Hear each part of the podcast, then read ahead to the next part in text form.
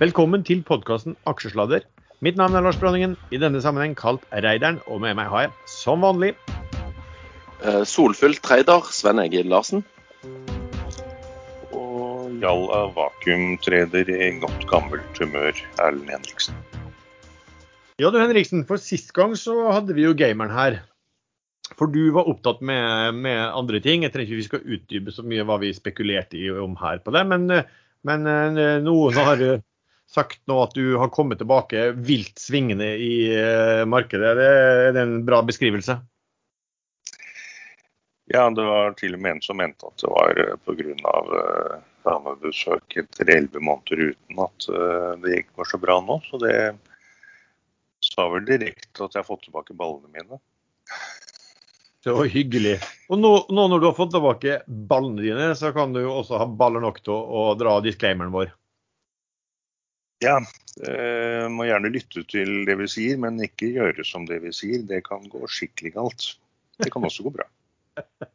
Vi ringer opp dersom du hører på hva vi sier her om markedet, aksjer, enkeltaksjer og livet for øvrig, er ansvaret helt og holdent ditt eget. Ja, Når vi spiller inn programmet, så kan det forekomme rett og slett faktafeil i det vi sier. Panel og panelsgjester kan være lang, kort, direkte eller indirekte eksponert i aksjer, selskaper og produkter som omtales. Ja, ja. Da kjører vi på. Um, Sven, Spania-fareren, hva, hva har du gjort i uken som uh, har gått? Jeg har bada veldig mye, treida veldig lite. eh, og solt meg òg bitte litt. Uh, selv om det er ganske kjedelig. Uh, men jeg har faktisk treida litt i denne HTOO, altså Fusion Fuel Green. Der traff jeg planken på 12,40, og nå er han plutselig på 13, eh, 13,40. Så den, den var fin. ikke du inne lenger. Nei, nei, jeg er ute. Jeg var fornøyd med gårsdagens oppgang. Selv om egentlig så hadde jeg tenkt å sitte litt lenger, fordi det kommer noen nyheter om eh, Portugals første grønne hydrogenanlegg, eh, Evora. Eh, skulle egentlig blitt åpna, eller offisielt eh, åpna nå på slutten av denne uken. Men denne her ministeren eh, som skulle forestå dette, her er visstnok eh, satt i isolasjon pga. covid, så det drøyer litt. Men eh, der tror jeg det kan komme noen fine nyheter. Og det kom jo en fin nyhet i forgår om at de skulle inn i et ammoniakkprosjekt i, i Nord-Afrika, i Marokko, tror jeg det var. Så den tror jeg har mer å gå på. Ellers så har jeg bygget en posisjon i Instabank og driver og shopper litt Aega. Men det kan jeg jo snakke om litt senere i programmet. Jepp. Hvordan med Um, disse Surnadalene dine? og sånn? Hva sier du? Hvordan med Nei. Surnadal og Eh, Sunndal er er kun den eneste overlevende. eh, er Sunndal eh, Sparebank. Der hadde jeg 3500 aksjer. Det gikk jo X eh, rett til å delta i emisjon på 104. Eh, Jeg har solgt de aksjene der, eh, sånn at nå venter jeg bare på å få lov å tegne aksjer i Sunndal i august en gang. Så den, den ligger der latent, den òg. Ja, ellers har jeg beholdt Havgrup. Uh, kjedelig uh, aksje, lite nyheter. Men jeg får skylde på sommerstille. Og så var jeg med i denne emisjonen i, i Havila Kystruten. Men der snakker vi om Vi har jo et eget segment om emisjoner, har vi ikke det, Lars? Ja, ja, det har vi. Så disiplinert du var. Flink gutt. Erlend, hva har du gjort? Jo, sånn eh, før plutselig dukket opp Jalla vakuum-case igjen, eller si litt parallelt, så var jeg innom Bergen Bio. Jeg syns den meldingen som kom om eh, faktisk eh, signifikant påvisbare effekter av Bemcentimib på covid, eh, var veldig god.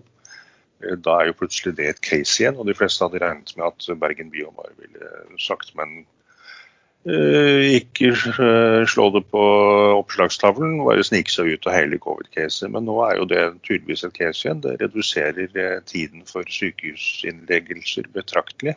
Eh, Også død, men det var ikke signifikant påvisbart i de undersøkelsene. Det de gjorde var å koble sammen eh, UK-undersøkelsen og den i, Span den i Sør-Afrika og den i India. og Da fikk de dataene de trengte, store nok, og det så bra ut.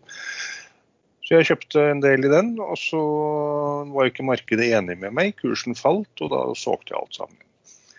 Så jeg vil gjerne ha med markedet det jeg skal sitte litt i.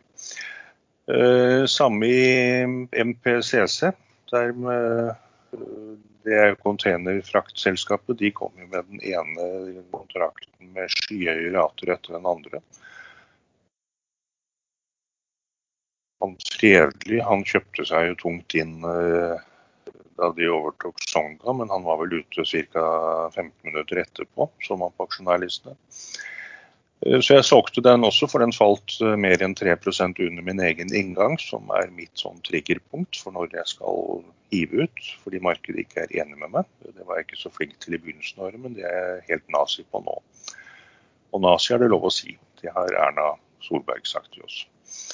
Eh, men nå er den da opp 1 krone og 70 øre etter at jeg solgte, så sånn sett ser ikke det så bra ut. Men det er tatt igjen til gangs i å trede både Sidril vakuum og Prosafe vakuum. Så jeg har tatt litt Didex. Hmm. Ok, very good. Vi skal komme tilbake til eh, disse vakuum kasino-aksjene ganske bredt eh, litt senere, for der er det jo mye, mye spennende og mye, mye synspunkter på det. Uh, ja, for min del har jeg vel egentlig bare surra litt, uh, for, for, å være ærlig. Uh, det blir jo sånn man skal på ferie av og til. Av og til så bør man gå gjennom litt eh, porteføljen og si hvilke aksjer er man litt lei som ikke, um, som ikke går dit man vil. Er kanskje ikke sånn, hva skulle du si, opptatt av Man vil jo at det skal gå opp med en gang, selvfølgelig, men sitter ofte litt lenger og venter på ting enn kanskje begge dere to. Og det kan jo av og til være smart, og det kan ofte, ofte være ikke smart. Eh, og noen av de tingene jeg så på, da var um, sånne som ikke har gått noe særlig. Tanken var å sitte og se på og så tenke meg altså, Orker jeg mer? Eller vil jeg egentlig kjøpt disse nå? Det er jo ofte et godt, uh, godt uh, sånn, ja, test på det selv. Um, om, om, du ville kjøpt de sånn som de var nå. Og, og, ofte hvis det er nei, så kan du da bare dumpe ut. Og, i hvert fall også hvis det, du ikke ser at, uh, at kursen du, du, ser liksom ikke hva som skal dra den kursen opp da, de neste eh, tre månedene. De som, det du sa nå er veldig viktig. Nå de som sier bli med aksjer ned 50-60 eh, og 95 eh, Hadde de spurt seg på veien ned, sett bort fra at de allerede eier aksjer, om de ville kjøpt en aksje nå, så hadde sannsynligvis svaret vært nei i 90% av tilfellene. Man må ikke bli med ned så mye. Det som faller 90% må gå opp 1000 Da er man i null. Ja, det, er et godt poeng. Altså, en ting er at du det, er en god sånn test, ikke sant. Eh, og, og, så må man prøve å være Det er ikke min sterke side, jeg må innrømme det, men man må prøve å være litt sånn disiplinert. Ville man eid den? Altså, problemet er at hvis du ikke gjør det her, eh, og det faller veldig mye eh, og det kjenner jeg mange gode tradere som sier det også, at altså, hvis du får en sånn smell, så, så, blir du også mindre Det er ikke så lett å bli offensiv en, en periode etterpå. ikke sant? Du må, du må slikke dine sår, og det er jo ofte litt kjedelig hvis det kommer, eh, eh, kommer gode muligheter. Så sånn som, som Proximar var noen ting jeg heiv ut. Eh, også noen sånne småting som jeg heiv ut veldig fort, som vi snakket om sist gang, eh, Sven. At i tilfelle denne eh, Patient Sky altså Den hadde jo falt eh, mye på kort tid, på noen dager. Og så var det senere kom en rekyl i forbindelse med at de skulle ha en, en, en sending. Eh, og så kom jo ikke den rekylen. Og da var det egentlig bare å, å ta det tapet. Og, og egentlig og bra. Ja, fortsatt ikke kommet den rekylen i Patient Sky. Så jeg sitter og trader den litt og prøver å time bunnen. For jeg skal ha den rekylen. At ja. det, det, må komme en rekyl. Men eh, det kommer jo ingen rekyl. Så det har gått en uke uten rekyl. Og jeg sa det skulle kanskje komme rekyl på mandag. Kommer ikke rekyl på mandag. Ikke på tirsdag osv. Kanskje han kommer på mandag. Kanskje. Det har vært et par på ekstrainvestor som er i bransjen, som sier at brukerne av øh,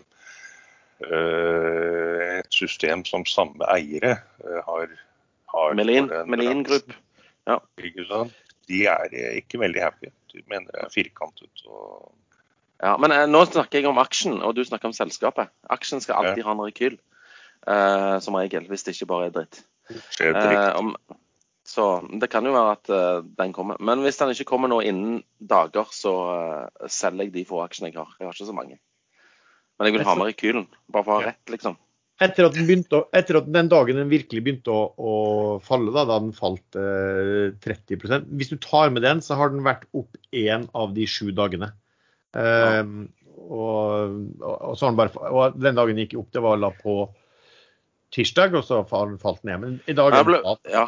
Vi har blitt kryssa noen eh, litt større poster igjen eh, for noen dager siden, så jeg trodde kanskje det var resten av salgsvolumet. Men eh, det er i hvert fall ikke noe særlig kjøpelyst. Så han oppfører seg litt snålt, så mulig han, mulig han ryker på mandag.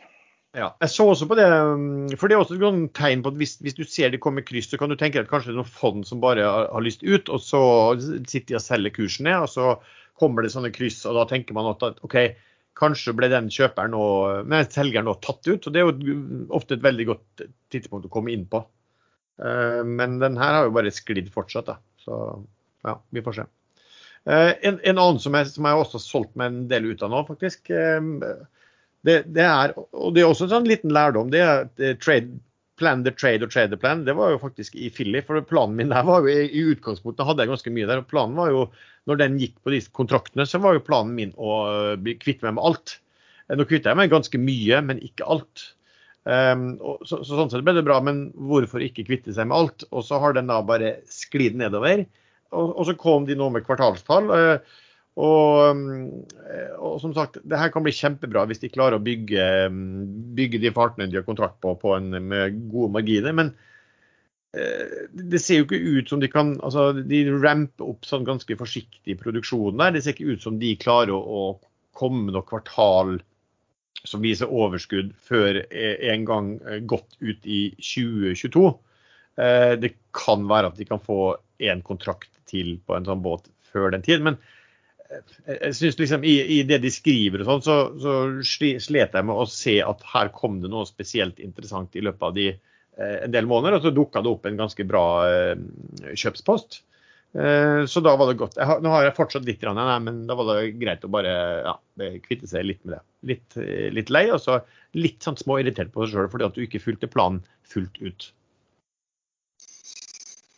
Det å kvitte seg med litt eller alt, det er jo Jeg endte opp med å selge alt når jeg selger. Ikke ja, ja det var, det, var, det var, egentlig planen den gangen, men så var det også at nå kom det en helt enorm kontrakt. Eh, og eh, det, man kunne jo tenke seg, jeg var ganske sikker på at Aker gjerne ville ha med seg andre inn eh, i dette her. Og hvis, da, altså hvis, det var aktører som var ganske komfortable med at de kom til å tjene penger da, på den kontrakten, så kunne det fort komme noen som uh, smelte til og tok den biten. Så det var egentlig liksom hvorfor man satt der. Men, men altså, ja. Nei, eh, man skulle bare fulgt planen helt og holdent. Det er også... Rusvenn, Selger du litt eller alt, eller? Eh? Før, så når jeg hadde bestemt meg for å selge, så solgte jeg alt. Men nå har jeg blitt eh, Jeg vet ikke om jeg er blitt flinkere eller dårligere. Men nå så kan jeg finne på å selge halvparten, liksom. Og så øke på igjen hvis den faller litt tilbake. Altså litt mer som et fond, hvis du vil jeg tro opererer. De pleier jo ikke å selge alt. Eh, når de først eh, holder på. Porteføljevekting. Ja, men de er så store poster at det ville jo ikke vært mulig.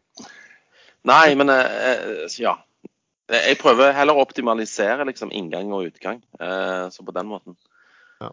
Det er vel litt Murphys lover det også. at hvis du, hvis du finner ut at du skal at du skal selge alt, og så gjør du det, så kommer det kanskje en god nyhet som sier at å søren, du burde ikke solgt alt. Og, og hvis du ja, hvis du um, ikke, ja, ikke sant. Hvis du ikke, hvis du ikke selger alt, så skjer, så skjer, det ingenting. Det bare sklir, og du er ja, dum uansett. Damned if you do, and damned if you don't. Så det samme, ja. Det går igjen. Ja. Men jeg tror da at eh, altså, det er vel ikke noe sånn fasitsvar på om hvordan man bør eh, selge ting, Men jeg, kanskje, hvert fall for min del så er vel fasiten at eh, gjør det du hadde planlagt, i hvert fall. Så kan du, om du planlagt å selge halvparten, eller planlegger å selge alt, eller hva som helst, det, det er jo et fett, det er jo en vurdering den enkelte må ta. Men det er greit å ha en plan og følge den. Skal vi se, eh, Sven, har det vært noen emisjoner, skal vi se, emisjoner, nedsalg eller skråstrek debutanter den uken som har vært? Ja, to eh, pågående. Eh, det er vel Havila Kystruten. Den er closa. Eh, der var det, som jeg var inne på i siste episode, kanskje ikke så stor interesse som eh, initielt eh, trodd. Eh, så jeg hadde jo tegna for 5 mil, men jeg reduserte til 1,5. Eh, fikk tildeling på 1,2. Så der er det mange som får det de har lyst på. Eh, men jeg har inntrykk av at det er ikke flippere som har eh, tatt de emisjonene, så jeg tror likevel den kan bli bra. Fordi at eh, prisen på disse ferjene, eller hurtigrutebåtene, de er, er, det er kostpris. Så, og bookingen de opplyser de har, er bedre enn Hurtigruten sine. Og jeg tror den kan bli OK, men det blir ikke noe fest til på åpningsdagen, tror jeg. Det, den trenger kanskje litt mørning og litt tid. Og så har du en Biofish-emisjon eh, som er pågående. Full prospekt. Eh, det betyr at eh, minstetegningen i emisjonen er 10.500. Er retta mot Nordnett-kunder, og alle som har mer enn 10.500 kan tegne i den. Ja, det er en, smolt, en smoltprodusent, en uh, Biofish, som uh, tror du var, og tror den skal på børs også i starten av august, da, hvis det var det de gikk gjennom på? Ja, Det tar litt tid når det er fullt prospekt, for da er det tegningsperiode så langt som et vondt år. Ja. Um, så har vi da et par uh, nykommere denne uka her. Um, den ene er jo da Wow Green Metals. Åpna vel litt i overkant av det han burde, gjorde ikke det? Uh, ja, altså, de, de, de, gjorde ikke, de, gjorde jo ikke noe emisjon i, i den forbindelse, men det ble beregna en slags eh, verdi. For at aksjonærene i Wow fikk jo da aksjer i Wow Green Metals når de gikk på børs. De, de spant den av. Uh, green de, Metals eller Green Minerals? Green Metals. Ah, ja. Metals, rett og slett. Ja. Så de da mm, så det, Og det, den kursen da ble beregna til det, det vederlaget, utbyttet hvis du kaller det for det, det ble beregnet til ca. 2 kroner og 70 øre. Eh, og den aksjen gikk jo opp da til 6,20. Eh, og så har den da falt tilbake nå, da. Så den ligger nå på ja, drøye 4 kroner ligger den på. Ehm, og det er en ja, anstendig, anstendig, likviditet på den også, ehm, den aksjen der også. Ehm, og de hadde også eh, presentasjon via ekstrainvestor, så den, hvis du vil se den, så finner man den på incurate.com. sånn sett. Og så var det også en som heter Akobo. Eh, kjenner du noe? Det, det hørtes, hørtes veldig afrikansk ut. Det må jo uh, gull, nei, diamantgraveren vår i Sør-Afrika uh, oppdatere oss om. Jo, det jeg vet om selskapet er at de leter etter gull, og har vel også funnet store ressurser. Men eh, gull og diamanter er faktisk ganske forskjellig. Man må grave veldig mye mer volum for å få uttelling på gullgruver. Og man bruker også en del kjemikalier i prosessen, og i diamantleting så bruker vi ingenting. Så jeg har ikke satt meg inn i selskapet. Da. Også litt, jeg tenker at jeg er ganske tungt investert i, i African Diamond, som ikke er notert ennå. Eh, så det å putte enda flere egg i den gruveskålen, det, i hvert fall med edeldiamanter eller edelmetaller, det, er diamanter og gull, det holder jeg meg litt unna. Så andre får heller eh, lære seg om Akobo Minerals. Foreløpig har jeg ikke oppfattet noe negativt, i hvert fall. Jeg tror den emisjonen, hvis jeg husker riktig, så ble den satt på en 7,5-8 kroner, var det noe sånt? Jeg er litt usikker. Eh, den ligger nå på 7,5, så la oss si at den er ganske flatt på børsen. Veldig lite omsetning ser jeg på, på den. Det er gått aksjer for eh, ja, nå er, midt, nå er, vi midt, på dagen, og det har gått aksjer for 3000 kroner i dag, eller noe sånt, så det er ikke sånn veldig ja. I Norge har man jo erfaring med et gullselskap fra tidligere, Avoset Mining, eh, som gikk eh, sånn ordentlig sky high, mange tusen prosent hvis jeg ikke husker feil. Eh, før da storeier eh, Haudmann var det vel, solgte seg ut sånn bortimot på toppen, og så gikk den aksjen en langsom død i møte. Så der eh, gull er veldig lett å få til en kursøkning på ressursøkninger, og det kan også være helt reelle bakgrunn for kursøkningene. Eh, det er jo enorme verdier i, i, gull, og særlig hvis det er et relativt stabilt område man jobber i og man holder kostnadene nede. Men Avocet Mining avgikk da med døden etter lang og smertefull død. Så man skal være litt eh, obs på risikoene. Men eh, hvis de kommer med en melding om en ny ressurs og vesentlig høyere potensial, så kommer den kursen til å gå ganske sky high. Mm. Som alt av gruver? Det er litt som oljeselskap, egentlig. Eh, gruveselskap og oljeselskap. Det er når de finner ressursen, det er da man egentlig hvis man er så heldig og sitter i et sånt selskap før de finner ressursen, eh, det er da man virkelig tjener penger. Men hvis man ikke er så heldig, så burde man vente til de begynner å utvinne ressursen. Når de har liksom stukket spaden i jorda og begynt å bygge produksjonsverkene, litt som Nordic Mining òg. Eh, de har funnet en ressurs, og kursen gikk kjempehøyt, og de var på børs. Og etter det har kursen bare falt og falt. Det falt vel egentlig det meste i begynnelsen, så den ligger flatt nå i ti år. Eh, men hvis de nå får da godkjenninger helt på plass, og dette tulleselskapet du AMR eller hva de kaller seg, som prøver å søke godkjennelse for å grave i samme ressurs som Nordic Mining allerede har fått eh, godkjennelse, så, så tror jeg den kan være en veldig god investering. Det er eh, titan, dvs. Si det er jo det man Nå husker ikke i farten hva det heter for noe. Eh, det man utvinner titan fra. Ja, det er ikke så farlig. Eh, de har to ressurser. Det er granat, og så er det da dette andre. Eh, og de er ført opp på EUs liste over mineraler som vi har for lite av i EU. Og Dvs. Si at vi nå må importere fra land hvor, hvor vi ikke burde kjøpe mineraler fra pga. barnearbeid og nesten ingen beskyttelse for arbeidere osv. Så så ja. The second best time to invest in a mining company. Den kan man google opp. Da ser man at det er nå man burde kjøpe Nordic Mining. Jeg har det ikke selv akkurat nå. Vår kjære næringsminister Iselin uh, ser ut til å ha nedprioritert den endelige avgjørelsen på en klagesak til uh, muligens etter valget. og Dvs. Si at det er en ny regjering som skal uh, fatte det vedtaket, om det blir fortsatt borgerlig eller Arbeiderpartiet med SV og kanskje SV-støtte, og hva de eventuelt mener om den gruven, det aner jeg ikke. Arbeiderpartiet burde være positive. Det mener jeg de er også, men Senterpartiet vet jeg ikke, og SV vet man jo at er negativt.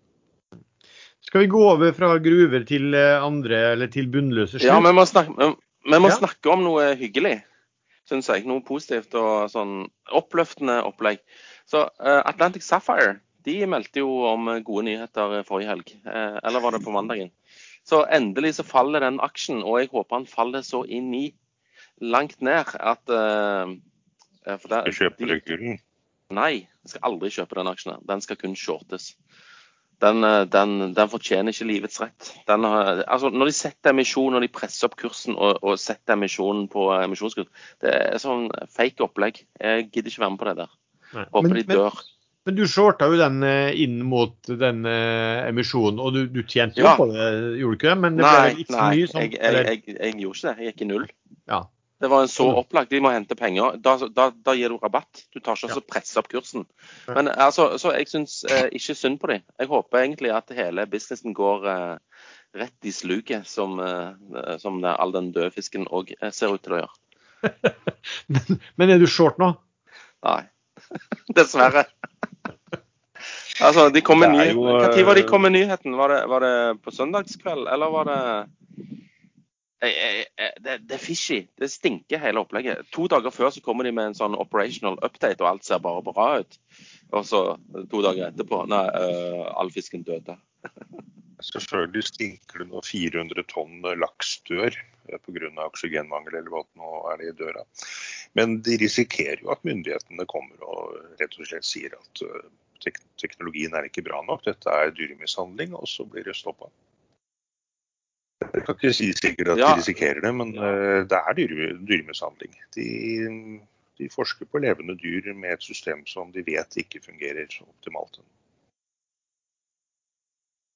Du, eh, men nå, Da snakket vi om sluk, og, og da tenkte jeg vi kunne ta en elegant over til noe som ender opp med sluk, men som er, er noe det er, det er Oslo Børs, kasinobørsen, har slår til igjen. og Jallakongen, nå, nå, er du i ditt ess, for nå, er det mm, hett på disse vakuum casino-casene, hva, hva, man måtte Kjært barn har mange navn.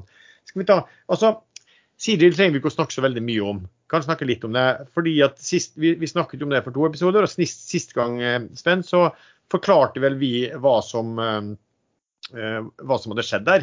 Vil si at det var bare Mange har kanskje trodd at hele gjelden som var forhandlet, men det er bare 80 og, og så er det 92% som gjenstår da å forhandle en løsning på. Men Erlend, du har kanskje sett på liksom, hva, hva, Siden du har vært inne og veldig aktiv her, så har du vel du også sett på hvor lang tid er det før eventuelt da øksen faller? I Sidril, eh, bare sånn kort oppsummere hva et vakuumcase er. Det er en aksje som har stort sett blitt gruset i kurs, og de er nødt til å gjøre noe med en forferdelig gjeldssituasjon. Eh, og da blir det gjerne konvertert aksjer på veldig veldig lav kurs, og veldig veldig mange aksjer. Og Det kommer til å skje i Sidril. Det er det de har annonsert. Og de sier rett ut at dagens aksjonærer risikerer å tape alt. Eh, sist så de, ble de vel sittende igjen med 2,2% av selskapet, de eksisterende aksjonærene, i 2018 da Sidre ble rekonstruert. Men eh, nå har de jo da eh, unnagjort en del av eh, De har restrukturert det ene datterselskapet, men der er det som du sier bare 8 av gjelden. Og da er jo resten igjen. Men resten av gjelden er bankgjeld. Det er ingen usikret gjeld i Sidre, det ble de kvitt forrige gang. Så nå har de da, så vidt jeg har skjønt, så har de vel restrukturert alt av av båndlån i den nye pakken med datterselskapet Sidril eh, Finance. Og Da er det bankgjeld igjen, og da, da, er det jo to muligheter. Enten sier banken at ok, vi sparker blikkboksen litt lenger nedover veien, og så gjør vi ikke noe særlig med den gjelden, bortsett fra at man konverterer nok til at de ikke har negativ egenkapital lenger. Det har de jo nå. Noen milliarder. Men, ja, men det, men det er 3 milliarder dollar, da. Det er 24 milliarder kroner som de har i negativ egenkapital. da. Så det må du jo minimum eh, der, der, kan du gjøre som du gjorde forrige gang, at de henter inn eh, litt penger, ny kapital, og låner litt mer penger. Eh, nei, det kan du vel ikke for å bli kvitt negativ egenkapital, men det blir, en, det blir, en, restrukturering, og dagens aksjonærer må sannsynligvis regne med å tape alt. Men poenget med vakuumcase er jo at dette tar tid. Eh, det skjer ingenting i Sidril før et stykke ut i, ut i august. var vel eh, en sånn longstop-date eh, jeg leste.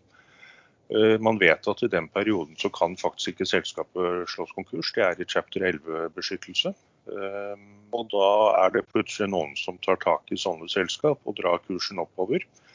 Og I Sidril så begynte det på rundt 1,80. Der lå kursen hadde begynt å stabilisere seg, og så begynte den å dra oppover.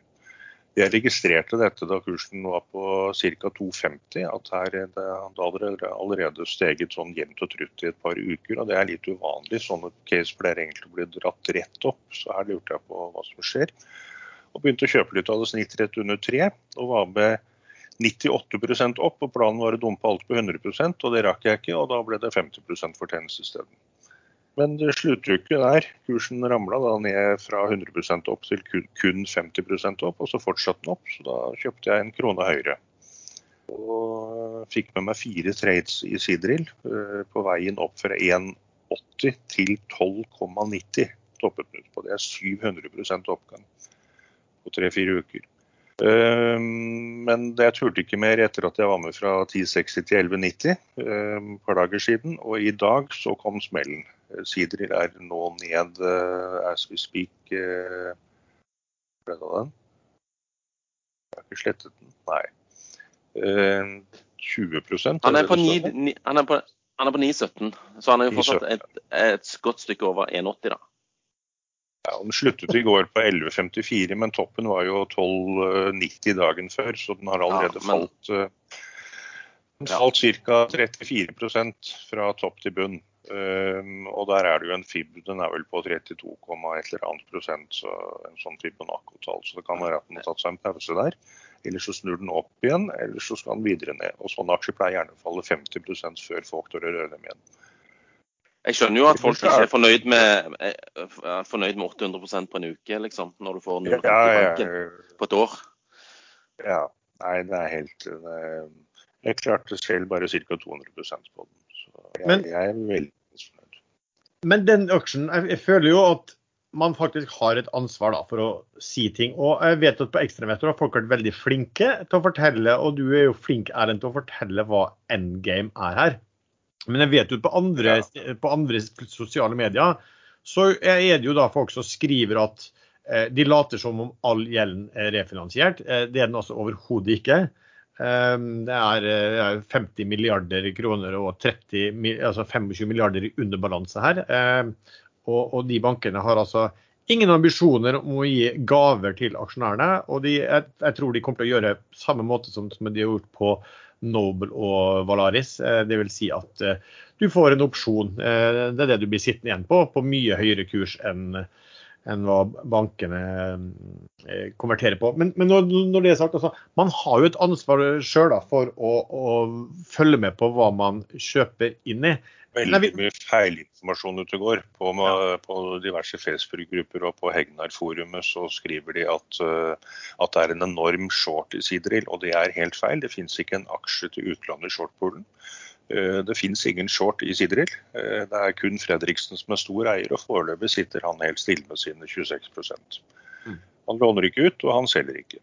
Eh, så det er ikke noe short som plutselig kan lage en short-skvis. Det var ikke det som dro kursen opp, det var ren pump and dump. Og Da er det jo da en storlek på veien opp, men det er ikke en gammeldags storlek som barna leker med musikk og tolv stoler rundt bordet og én som mangler. Eh, men det er en liten vaklevoren krakk, og når eh, musikken stopper, så, så, burde man ikke være med eie aksjer der lenger. Nei, man er dømt ja.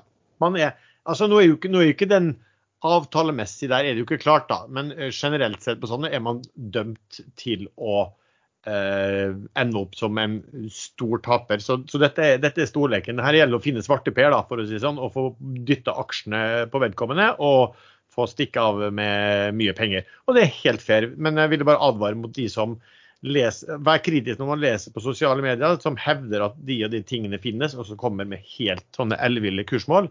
Det kan bli en jævlig sur start på dag, en dag når, eh, når det kommer en uh, melding.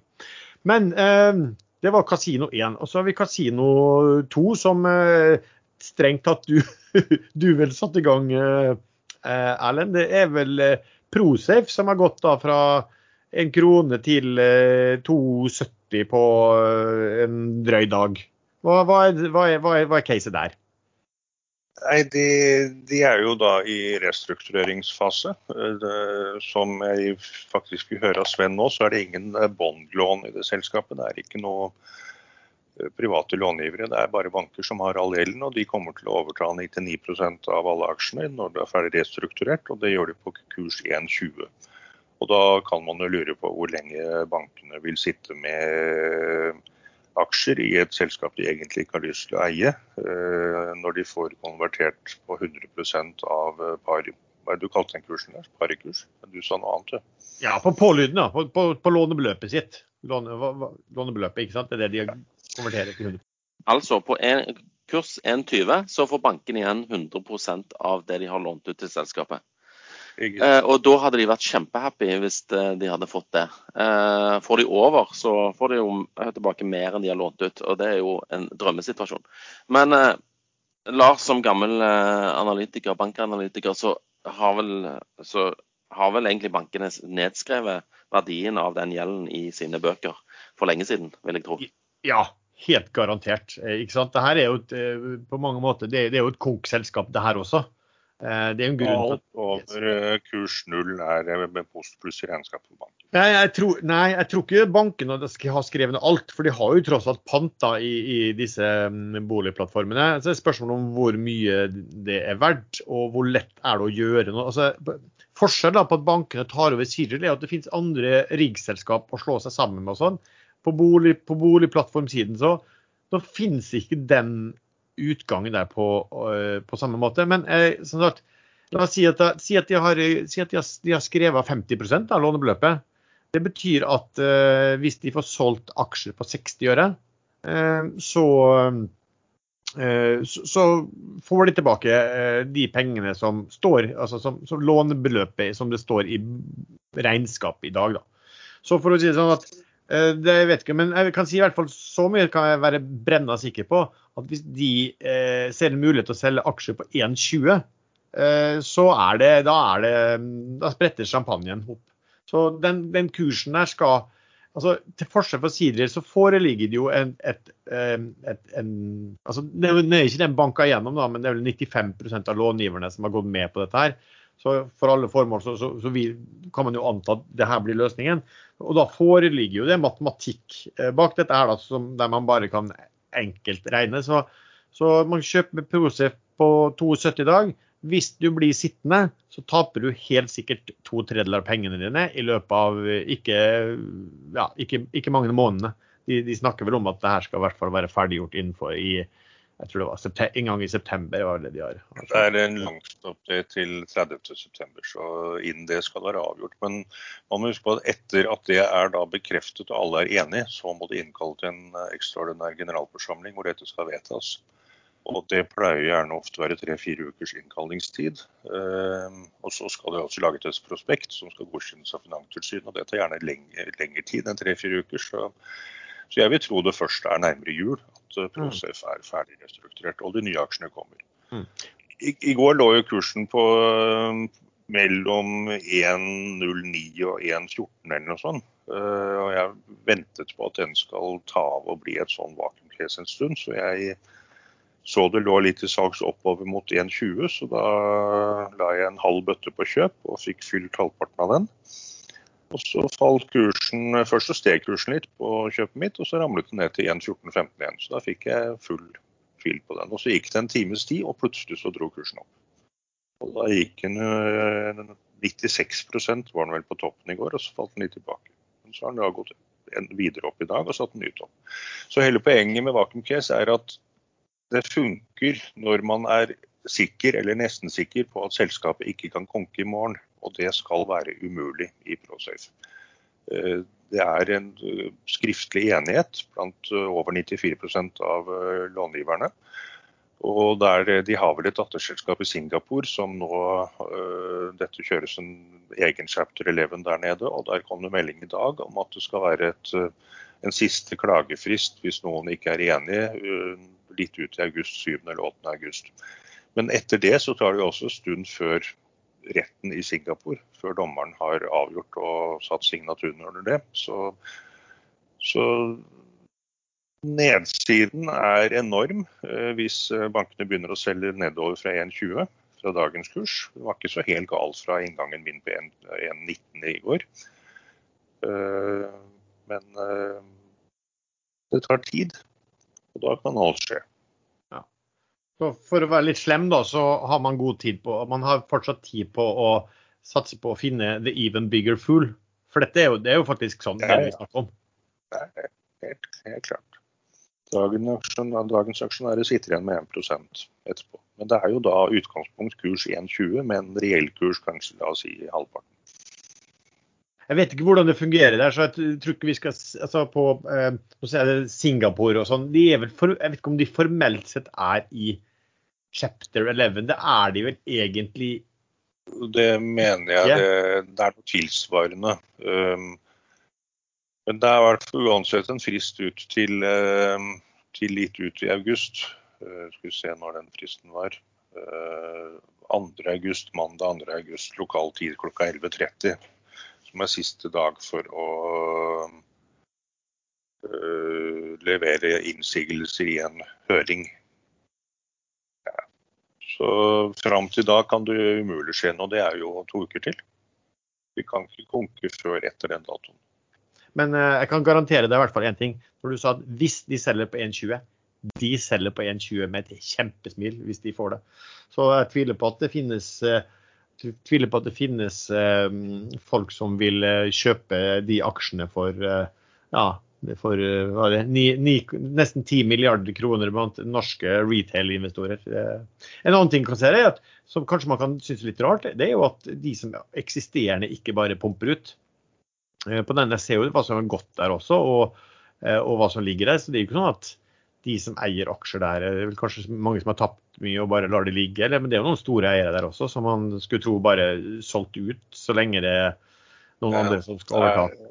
Ja. Det er noen på veien ned til, eh, til 1 eh, pluss-minus 1,10. Det har jo tatt ganske lang tid. Så er det Så jeg har faktisk ikke fulgt så mye med på PRS, på Procef, men eh, det vanlige er at de store dumper ut på veien nedover. Så når man kommer ned og har stabilisert seg rundt 1,10 ganske lenge, så, så pleier det ikke å være så mange store intelligente aksjonærer igjen. Nei. Her er det vel det der eh, North Sea Strategic Investment. Jeg vet ikke om det kan være high-tech og noe annet sånn fond som er inni der. Jeg husker ikke det. Men... Det, er, det er high-tech. Og de føler vel kanskje et visst ansvar for å få banka dette gjennom og redde arbeidsplassene. Ja, og ikke sant. Og det gjør de. Og så de, føler de også et ansvar overfor bankene, fordi at de er store aktører som vil møte de samme bankene i nye transaksjoner i framtiden. Og da er det viktig å ha oppført seg ordentlig, og da vil de gjerne at, sikkert at de skal sitte der og være aksjonærer og sørge for å få stemt dette gjennom, også blant aksjonærene. De store, seriøse aktørene de blir bare sittende. De er med skipet ned. Denne episoden er sponset av CMC Markets. Og som vanlig har vi med oss sjefen Henrik Sommerfelt, som kan fortelle mer om tjenestene deres. Takk, Lars. Og fortsatt god sommer til deg og alle deres lyttere. Innsikt er noe vi er opptatt av hos CNC, og derfor har vi masse informasjon tilgjengelig i plattformen. Alt fra nyheter fra Reuters og kvantitative aksjeanalyser fra Morningstar på alle aksjene vi tilbyr, og det er mange, til markedskalenderen med viktige nøkkeltall. Men vi har nylig også utvidet vårt samarbeid med Investec, som er det selskapet som er mest kjent i Norge innenfor teknisk analyse. De produserer daglig morgenrapporter til våre kunder som inneholder ett dagens case innenfor norske aksjer, amerikanske aksjer, en råvare, et valutakryss, en kryptovaluta og en aksjeindeks. For å få denne rapporten må du enten ha en demokonto eller en vanlig tradingkonto hos oss. For demokunder er denne rapporten tilgjengelig i 30 dager.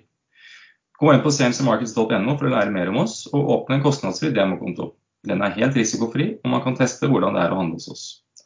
Viktig å være klar over at giring kan forstørre både gevinst og tap, og at all trading innebærer risiko. God ferie og god sommer. Og lenken til CMC finner du i beskrivelsen til denne episoden.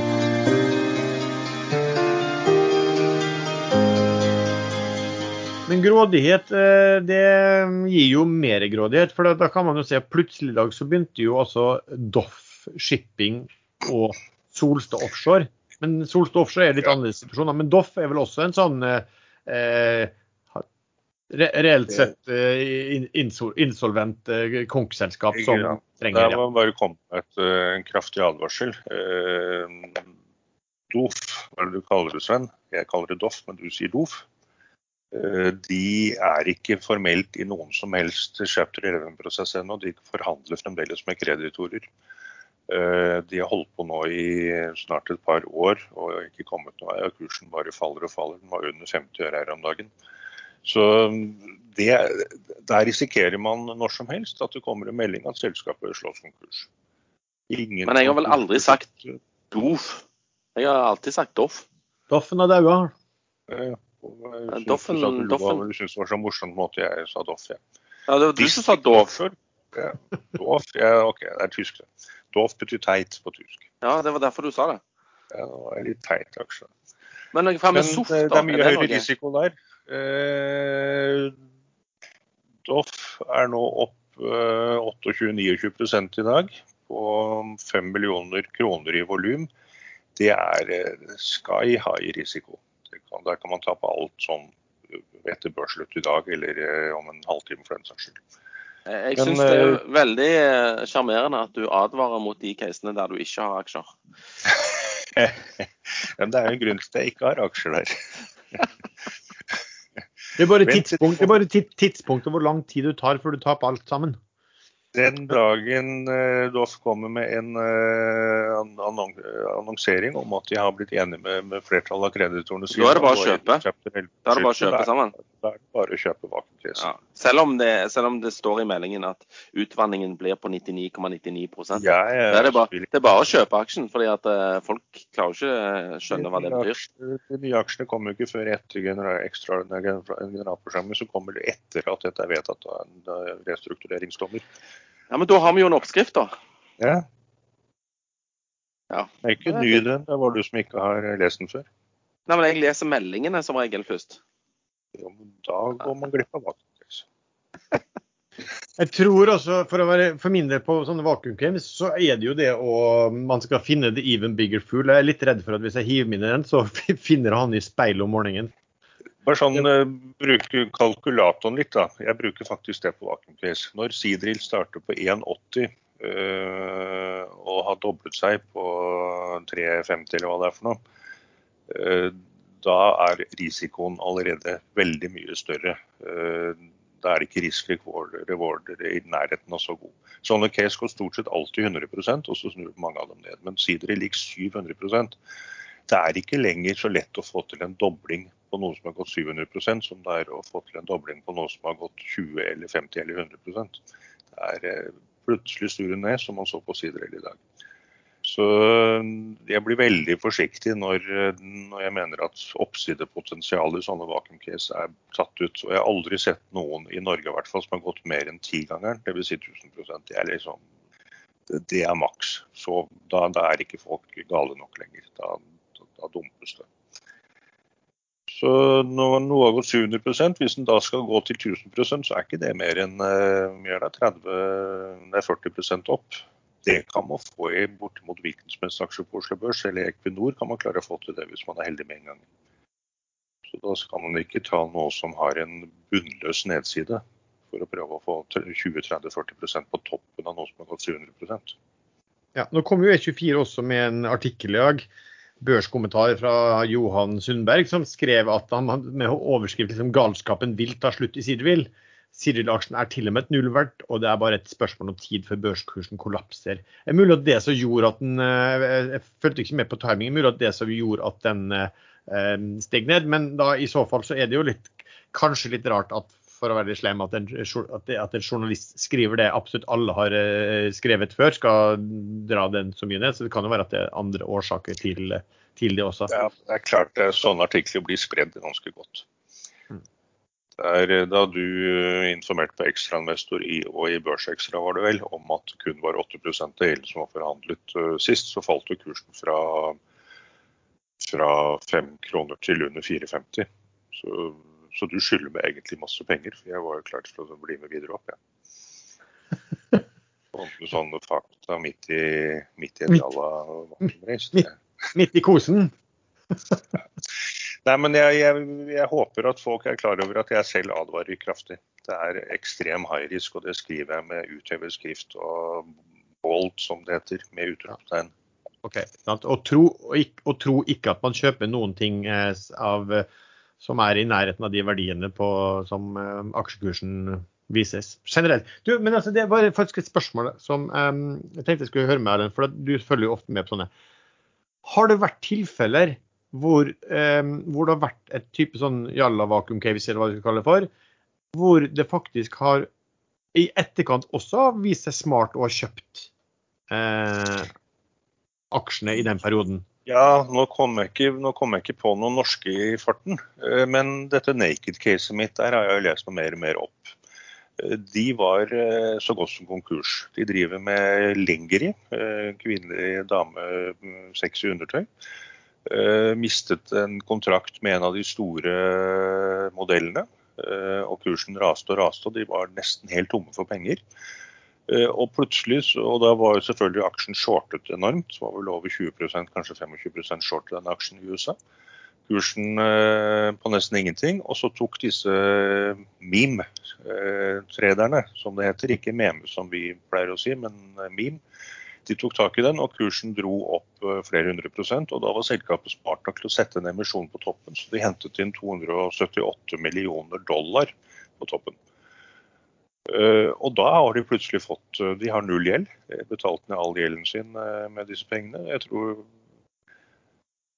og da har de plutselig fått en basis for å kunne bygge et nytt selskap med cash ut fra at kursen ble dratt opp på en Jalla Vacuum Trade. Mm. Veldig bra gjort, da, egentlig. fra... Ja, fantastisk. Disse andre, det er teaterselskap, kinoselskapet, hva heter det for noe? AMC? American Cinema Corporation, et eller annet sånt. Da. Husker aldri det navnet. De gjorde det samme, men de hentet bare inn 50 millioner dollar. De var jo teite. De skulle hentet mye, mye mer. Mm. Sant? Kan, det, og det har vi jo snakket om før altså, at du Altså, en sterk aksjekurs er jo en valuta som eh, et flinkt styre, en flinke ledere, kan, eh, kan, kan bruke til å ja, kjøpe andre ting eller hente inn penger til en eh, pris som er veldig høy for, for ja, og gunstig da, for de eksisterende aksjonærene. Men i, i Norge er det ikke sånn tilfelle. Vi har, vi har jo snakka mye om altså, sånn Norwegian og sånn også. Det, det, har jo endt akkurat sånn som vi har sagt hver gang.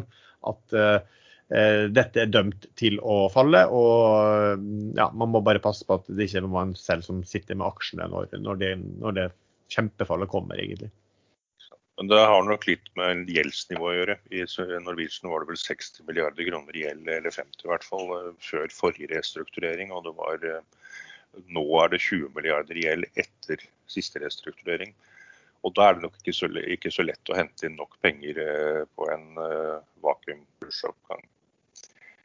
Men hvis selskapet ja. ikke har så mye gjeld, en, men kassa er bunnskrapet og businessplanen forsvant litt, da kan en sånn vakuumoppgang faktisk redde selskapet. Da er det bare å måke ut en emisjon på høy kurs og håpe at den blir fulltegnet av gale investorer, og så kan de kjøpe noe nytt og bygge et nytt selskap.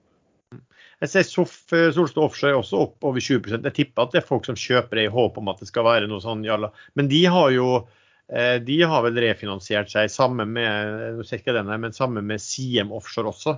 Eh, de har vel også gjort en stor ja, Solstad for en stund siden, Siem ganske nylig. Men de er vel to, to hvor vi ikke har noe sånn der man sitter og venter på at det skal komme masse aksjer. Det, det som har skjedd der, det har på mange måter skjedd. Om det kommer en ny runde senere en gang, men det er ikke noe i kjømda i hvert fall. Problemet i SOF er denne store båten uh, Norman Maximus.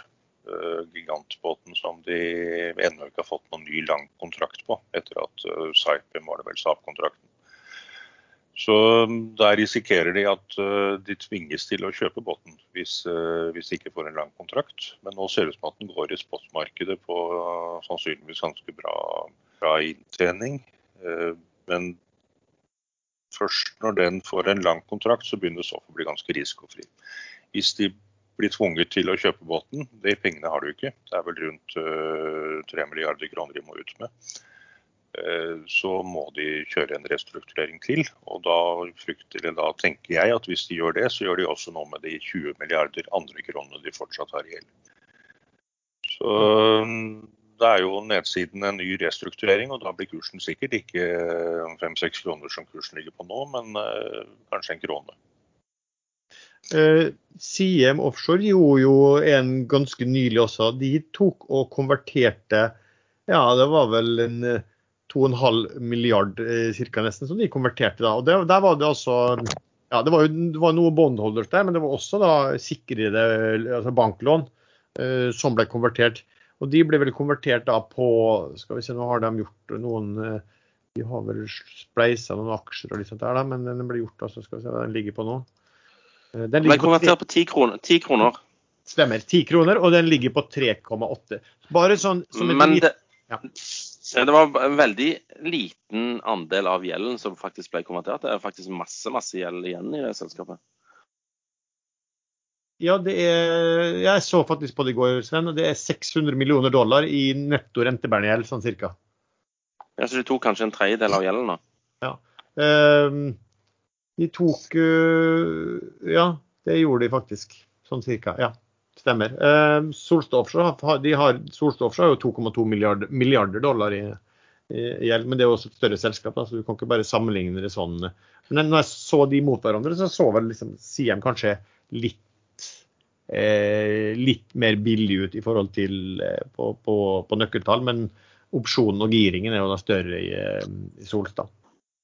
Man har jo sagt nå et par år at nå kommer snart offshoremarkedet tilbake. Men det har blitt skrapet altfor lite båter i de siste par årene. og det, er masse opplag ennå. Man snakker om litt høyere rater her og der, men det, det er jo ikke, ikke, noe boom. Det er ikke noe eksplosjon i Nordsjøen. Og skal vi si litt Sven, om uh, hva som har kommet ut av uh, Og det har vi også fått spørsmålstall av inflasjonstall fra USA og hva, hva, hvordan eh, sentralbanken der reagerer? Nei, de reagerer med å bare si at nei, det er ingen fare, dette er forbigående. Kjerneinflasjonen var, kom inn på var det 4,6% eller 4,5% har ikke vært så høyt siden 1991.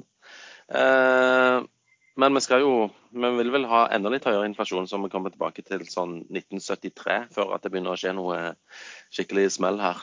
Men eh, nei, eh, Fed-sjefen sier at nei, ingen fare, dette er kun forbigående, og at uh, dette ordner seg sjøl. Og hvis det ikke ordner seg, så har vi våpen til å fikse det med.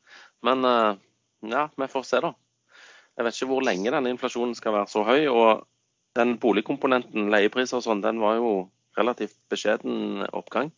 Så jeg tror det er mer å gå på når det gjelder inflasjon. Jeg vet ikke hva du syns, Lars? Jo, altså eh, fordi at boligprisene jeg vet ikke om de har steget nesten 20% i USA eh, i en periode. og Mens leieprisen, altså som vi har snakket om før, da, du, i inflasjonen så inngår ikke boligprisene. Det unngår, om Du skal nesten kalle det derivat av det, på en måte, men hva du må betale for å leie et hus. Eh, og det har bare steget med en 2,3% på året. Så det, det, er noe som holder de inflasjonstallene nede, selv om boligprisene stiger voldsomt. Men nå så jeg faktisk at hun som da er altså tidligere Fed-sjef, men som nå er mm, sjefen, altså finansminister i USA, Janet Yellen, hun sa at hun forventer at vi kommer til å se flere måneder med rask eh, og høy inflasjon. Og etter hvert så vil det falle tilbake. Men også det som er interessant, var at hun, hun mm, uttrykte at hun var litt bekymra overfor hva dette ville skje på, på, de med lave inntekter som skulle eh, kjøpe hus i framtiden, eh, nå som husprisene stiger. Eh, og det er jo et poeng ikke sant? at du, du må betale mye mer. Renta er kunstig lav, og, og så skal renta opp etter hvert. Og du har betalt topp dollar for huset. Det, det, det, skjønner jeg. Men jeg tenkte også at nå sier at er det en liten bekymring når hun sier det, og begynner å snakke om husprisen, at hun ser at 20% oppgang i husprisene også leder til at du må betale altså høyere, høyere leie? Eh, fordi at da klart eh, det utgjør vel en tredel av statistikken. Eh, det har holdt det nede. Og hvis den begynner å gå, ja, da skulle man jo tro at de er i trøbbel, da, men, men, det er jo egentlig ingen som bryr, som bryr, seg, for å være helt ærlig på det. Det er jo ikke det. Men har dere ikke sett den nye krakkindikatoren? Trenger egentlig ikke å tenke så mye her. Peter, Hermans, Peter Hermanrud kom med en mail i går etter at han da en og en halv time før han sluttet i Sparebank1 Markets hvor han skrev My timing has been quite spectacular in terms of leaving jobs at the top of the market just before the crash. Han gjorde det i 1987. Markedet krasjet tre måneder etter at han var på all time high. Da han sluttet i PNG, som ikke jeg vet hva er, til Elcon. 1990 det samme. Gikk han fra Elkom til Vital, og 1998 fra Vital til First Securities. Og alle tre gangene var markedet i all time high, og så kom krakk etterpå. I 2017 var det en 20 korreksjon, og i 2021, eh, det er nå, var markedet på all time high. Så nå lurer han på når fallet kommer. Men han er selvfølgelig da sikker på at krasjet, krasjet kommer. For det gjør det hver gang han bytter jobb. Jeg så, jeg så, jeg så den der. Men eh, altså, de, er jo så sterke, da, sentralbanken, og kan eh, gripe inn og styre renta såpass mye at selv om altså, Det er jo på en måte det blir jo en slags skatt da, på de som ikke putter pengene inn i eh, noe som gir bedre avkastning enn inflasjon. Um, altså hvis du, hvis du, det er vel sånn at hvis du låner penger til den amerikanske staten, så får du 0,2% rente på to år.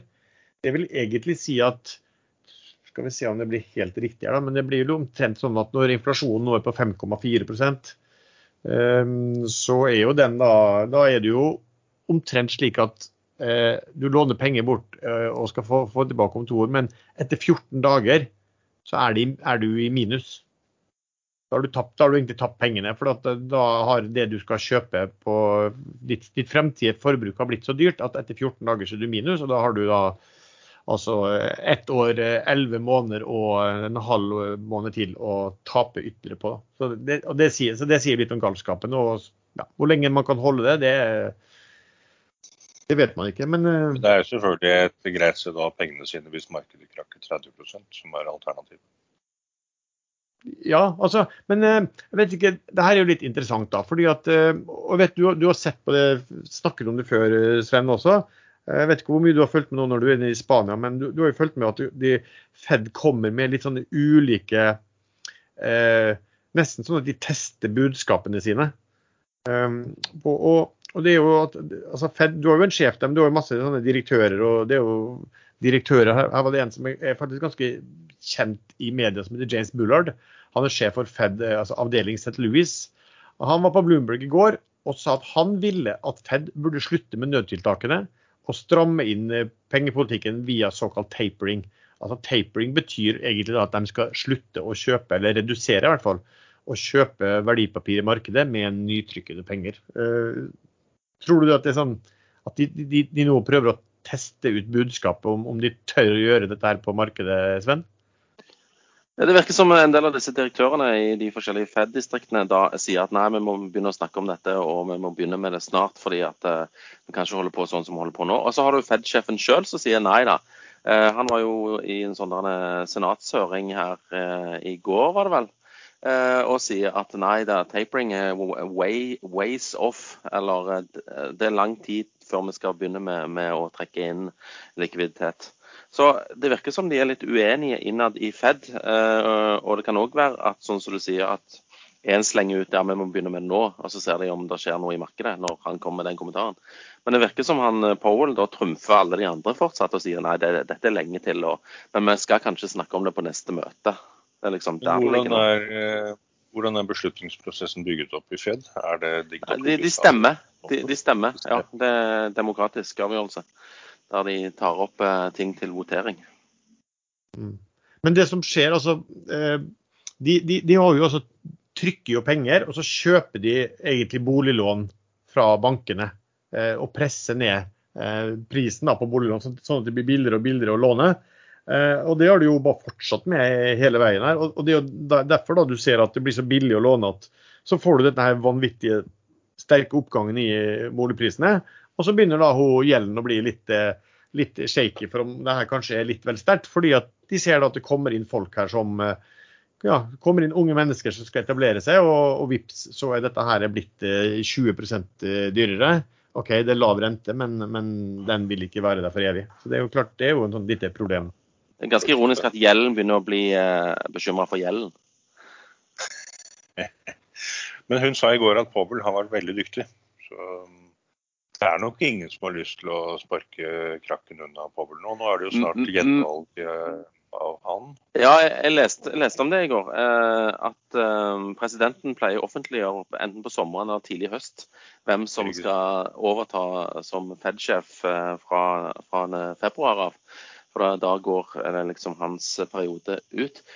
Og jeg vil tro, hvis nå Powell velger å ikke ta gjenvalg, da tror jeg faktisk du skal selge fordi at eh, da vet han hva som kommer.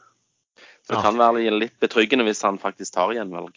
Men, vi, er, men er det, er det... Hvis han tar gjenvalg og Biden vil ha han, da har jo Powell virkelig vist hva slags eh, taktiker han er. Eh, blir valgt av Trump og gjenvalgt av Biden, det, det, er det ikke mange som klarer. Jo, men det er litt sånn storleken blant disse Fed-sjefene òg. De, har jo ikke lyst til å, å bli sittende når det, når det smeller, vil jeg tro. Men vet du, vet du, Sven, om han har beslutta om han har lyst til å gå videre på en ny periode? Eller jeg har ikke lest noe om det, men eh, det, jeg leste bare en artikkel i går, og der sto det at uh, de trodde at Biden ville at han skulle fortsette en periode til. Ja, for her kommer jo det morsomme. Jeg så også at Demokratene er jo veldig på nå at, at um, Fed skal bare kjøre på akkurat sånn som Biden holder på med. Ok, det, nei, sånn som han sånn som, ja, Fed holder på med, med, med å trykke penger og, og, intervenere i markedet og gjøre de tingene der. fordi at det gir jo på en måte, de, Klart de er litt bekymra for inflasjon, da, men det, det, gir jo økt vekst. Og så er det jo sånn at eh, når det foregår på den måten der, så kan jo også politikerne bruke penger som noe voldsomt. fordi at reelt så får de penger fra sentralbanken som trykker opp nye penger. Det er jo faktisk det som skjer. Så, så det er jo, ja, For en politiker i posisjon så er det, er det vel en glede å kunne bruke penger kontra å si at vi må ha inndekning på penger. Um, så han er nok uh, Han er sikkert veldig populær der òg. Men, men, men ja. jeg, tror at de, tester, de får noen til å teste litt ulike ting. Og så tror jeg han formelt sett må bare holde den linja eh, uh, ja, hele veien, egentlig. Inntil de plutselig beslutter noe nytt. Så lenge som mulig. Egentlig ganske genialt.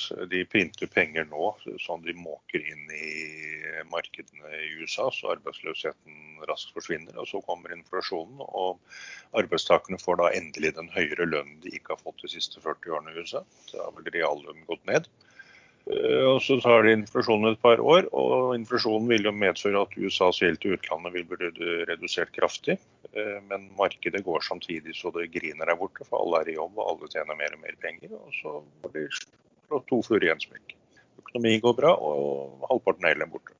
Mm. Men du kan ikke gjøre sånn altså, Du har alltid et knekkpunkt på sånt da, uansett. Så spørsmålet er bare hva ja, om, om, om, Det er lettere for USA å gjøre sånt enn for noen andre.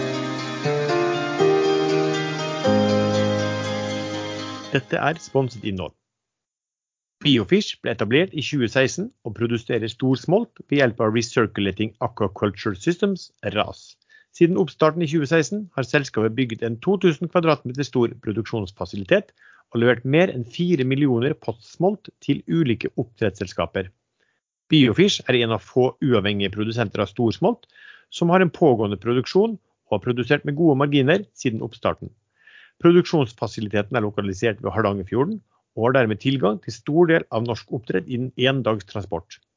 Biofish sin målsetting er å produsere stor postmalt, 500 gram pluss pluss, med FNs bærekraftmål og fiskevelferd som styrende parameter.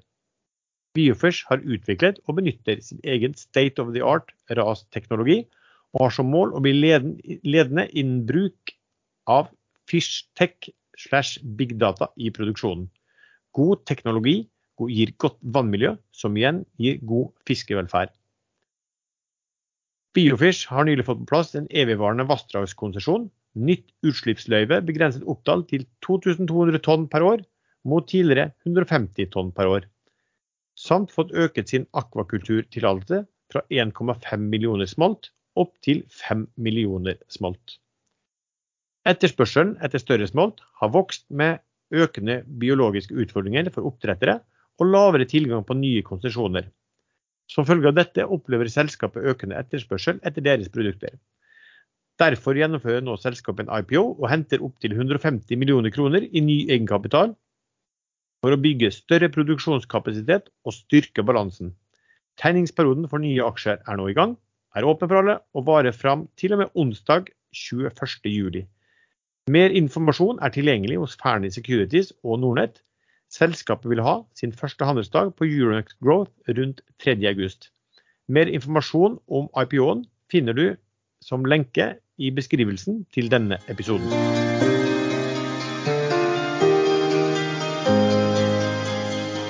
Jeg trodde dette skulle være sånn kort sommerepisode, fordi eh, det er folk som eh, vil på strand osv.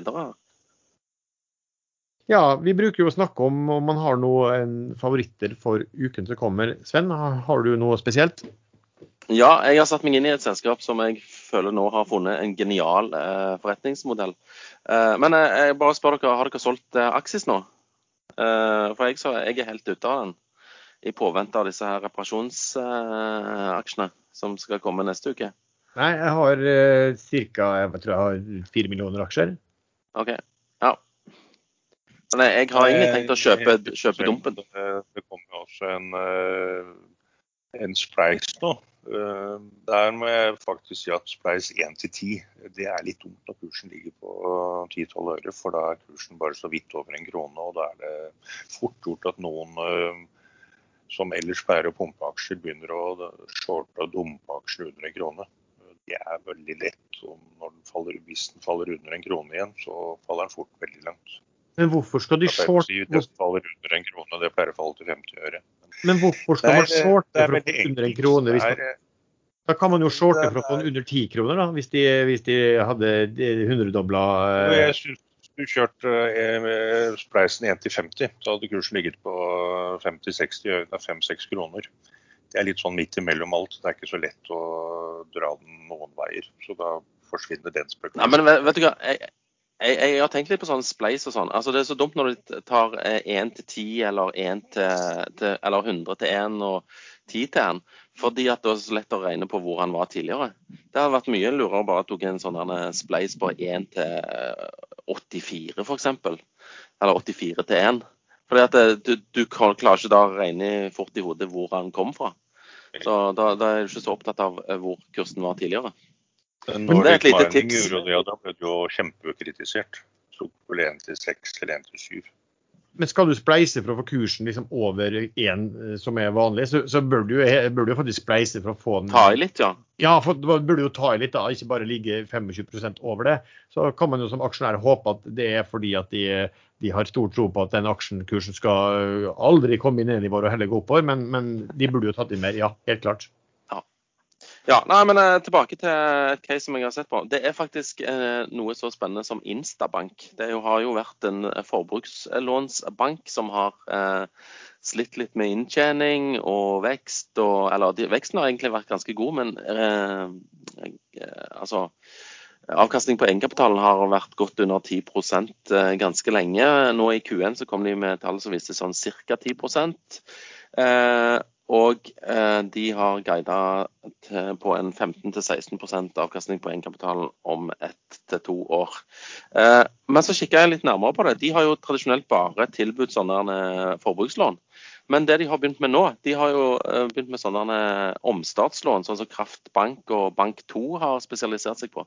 Så det er jo en kjempegenial modell, da, fordi at de har en hel haug med forbrukslånskunder. Og en del av de vil jo da eh, slite med å betale disse månedlige regningene. Men da kan de jo bare tilby dette nye omstartslånproduktet i samme bank. Så det er jo helt genialt. Så de har guida på eh, høy vekst, og jeg tror at eh, kvartalstallene som kommer den 12.8 vil vise eh, en relativt formidabel vekst i dette omstartslånssegmentet, som jeg liker egentlig bedre enn en forbrukslånsbankene. Selv om marginene på forbrukslån er jo eventyrlige i forhold til disse omstartslånene. Så, men uansett, omstartslån ligger vel på 8-9 mot vanlig boliglån på 1-2% Så hvis de får til dette her og veksten eh, kommer, så tror jeg den skal reprises til langt opp på totallet eh, på kort sikt. Så jeg er veldig spent på tallene den 12. august, og derfor har jeg eh, tatt litt aksjer der. Jeg har òg eh, kjøpt aksjer i Aega, men der er det mer fordi at det har ikke skjedd noe på lenge, og ser ut som aksjen handler en del under Nav for øyeblikket. Så Da avventer jeg å se om det skjer noe der snart, må man få seg en liten rekyll lenge siden nyheter der, så jeg, eh, kanskje det skjer noe snart. Det var vel egentlig, egentlig Instabank som da jeg eh, liker best denne uken. Mm. Noe, annet, noe annet spesielt du liker, Sven? Jeg uh, liker sol og varme. Så uh, hvis vi snart blir ferdige her, så, så, blir det en tur på stranden, gitt. Hva liker du av det?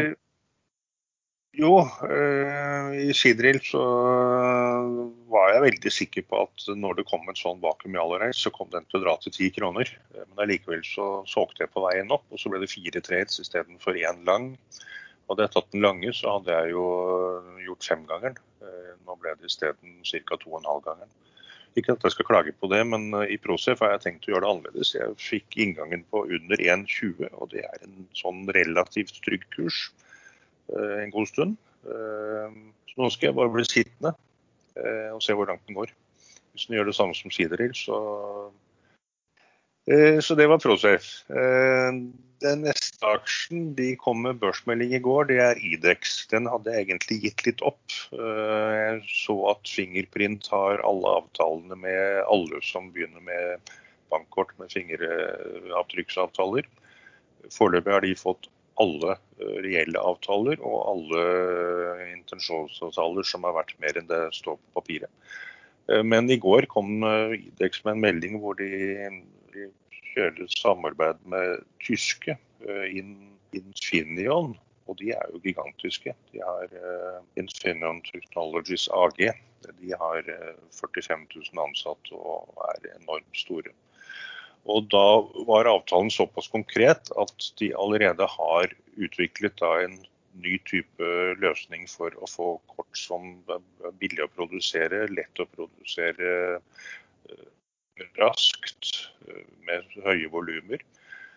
Eh, og de skal sier i meldingen som er skrevet sammen med Infineon, at de allerede i slutten av kvartal tre i år skal begynne å masseprodusere.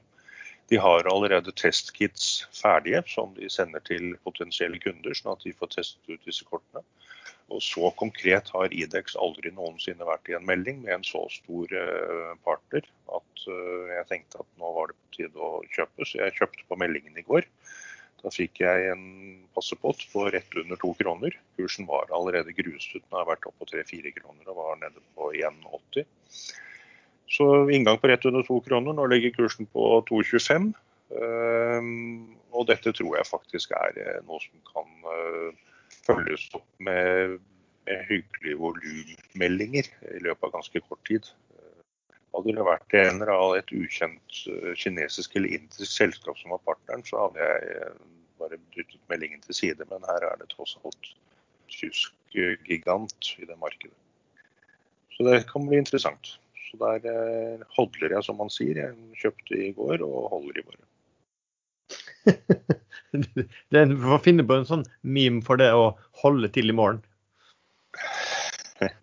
Nei, men eh, der skal det mye til at jeg selger. Jeg har egentlig eh, store planer om å ha mye mer sommerferie enn jeg har nå. Bare kutte ut treningen og sitte og hodle litt med det jeg har. Må ha litt ferie òg. Eh, men jeg har lyst til å nevne MPCC. De kommer som Jeg, jeg solgte meg ut, men hele caset er intakt. Det, det, ble solgt ned for en storeier ville redusere posten sin, som var naturlig etter at han hadde vært med fra én krone oppover. Så han reduserte på to, og da kjøpte både du og Sven den emisjonen.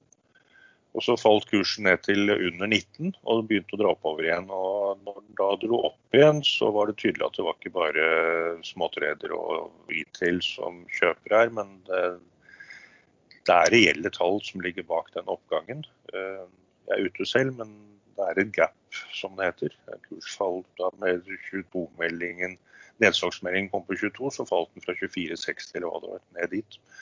Så opp dit tror jeg at den relativt enkelt kan dra. Og alt tyder på at containermarkedet holder seg høyt. Eh, når Biden truet med å innføre restriksjoner og sanksjoner mot eh, containerselskap som gjør at importen til USA blir for dyr, så har jeg fått med meg at jeg ikke berører eh, MPCC i noe særlig grad, for de har inntjeningen sin i andre land og andre områder. Så, men shipping er vanskelig. Eh, de som sitter tett på, de vet det lenge før alle oss andre. Så plutselig begynner kursen å rase, men jeg tror den skal mye høyere før den begynner å rase. OK, Veldig bra. Ehm, for min del skal jeg være litt kjedelig, fordi eh, det er akkurat det er varmt. Det er, vi har holdt på lenge, og jeg har egentlig lyst til neste uke å gjøre litt mer kos enn å følge med veldig nøye. Så da kan jeg vel si at jeg har egentlig ikke noe spesielt for neste uke. Jeg håper det skjer litt som, som gjør at det dukker opp muligheter, og det gjør det jo alltid. Men eh, ikke noe som, som, jeg kan sitte på fredag eh, rundt lunsjtider og si at jeg har noe spesielt tro på hva som skal skje i neste uke. Det, blir, mye, det er jo mye spennende um, tall som hele tida blir rapportert. Syns det har vært eh, veldig bra tall generelt sett hittil. Men det man også ser er at de selskapene som da er type vekstpriset, hvis de ikke leverer, da får de en eh, tøff smell. Så det kan jo være litt verdt å være litt obs på når, når, den type selskap skal, skal rapportere, i hvert fall. Eh, noe ellers vi skal snakke om før vi, eh, før vi kommer oss på, på badestranda? Eller i hvert fall du, Sven? Nei, jeg glemte bare å nevne at, eh, at Instabank handles til bok. Og den andre som jeg likte tidligere, den Kraftbank, den handles til 1,6 ganger bok. Så det er òg noe å ta med seg i regnestykket. Men bortsett fra det, så er jeg klar for playeren, jeg, altså.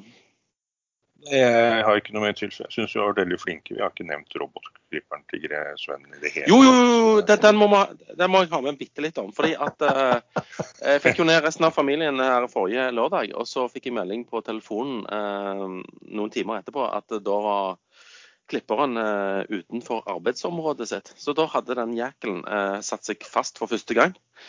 Uh, men eh, heldigvis har jeg gode naboer, så jeg eh, ringte bare han, og han fikk han på opp igjen. Så bank i bordet, han går fortsatt. Men har du, du har, ikke med har du ikke med deg roboten? Er ikke det en del av familien etter hvert? da? Tar du ikke med deg han på ferie? Nei, den må være hjemme og jobbe, mens vi andre soler oss litt. Vi har jo en sånn robotklipper her nede i Spania òg, altså ikke med, men sameie. når jeg kom ned her, så sto pinadø den òg helt fast. Gardena det òg. Men der var det Ja, Du jeg, jeg vet kunne alt om den. Ja, jeg, jeg hacka meg rett innpå den. Eh, og så, men da fikk jeg feilmelding at det var en sløyfefeil. Altså det var han, han eh, Vaktmesteren han har sånn dieselklipper, så han, klipper, han er litt ivrig i jobben sin, så han hadde klippet over eh, ledningen tre plasser. så måtte måtte legges på nytt. Håper du, håper du er litt flinkere i valget ditt av aksje, aksjeroboter, for å si det sånn. Ja, ja, ja. Nei, men eh, da har vi fått en oppdatering på robotklipper. Ja. Eh, Det er helt tydelig at han klipper ledningen på tre steder, så er det er målrettet. Det er ikke uflaks.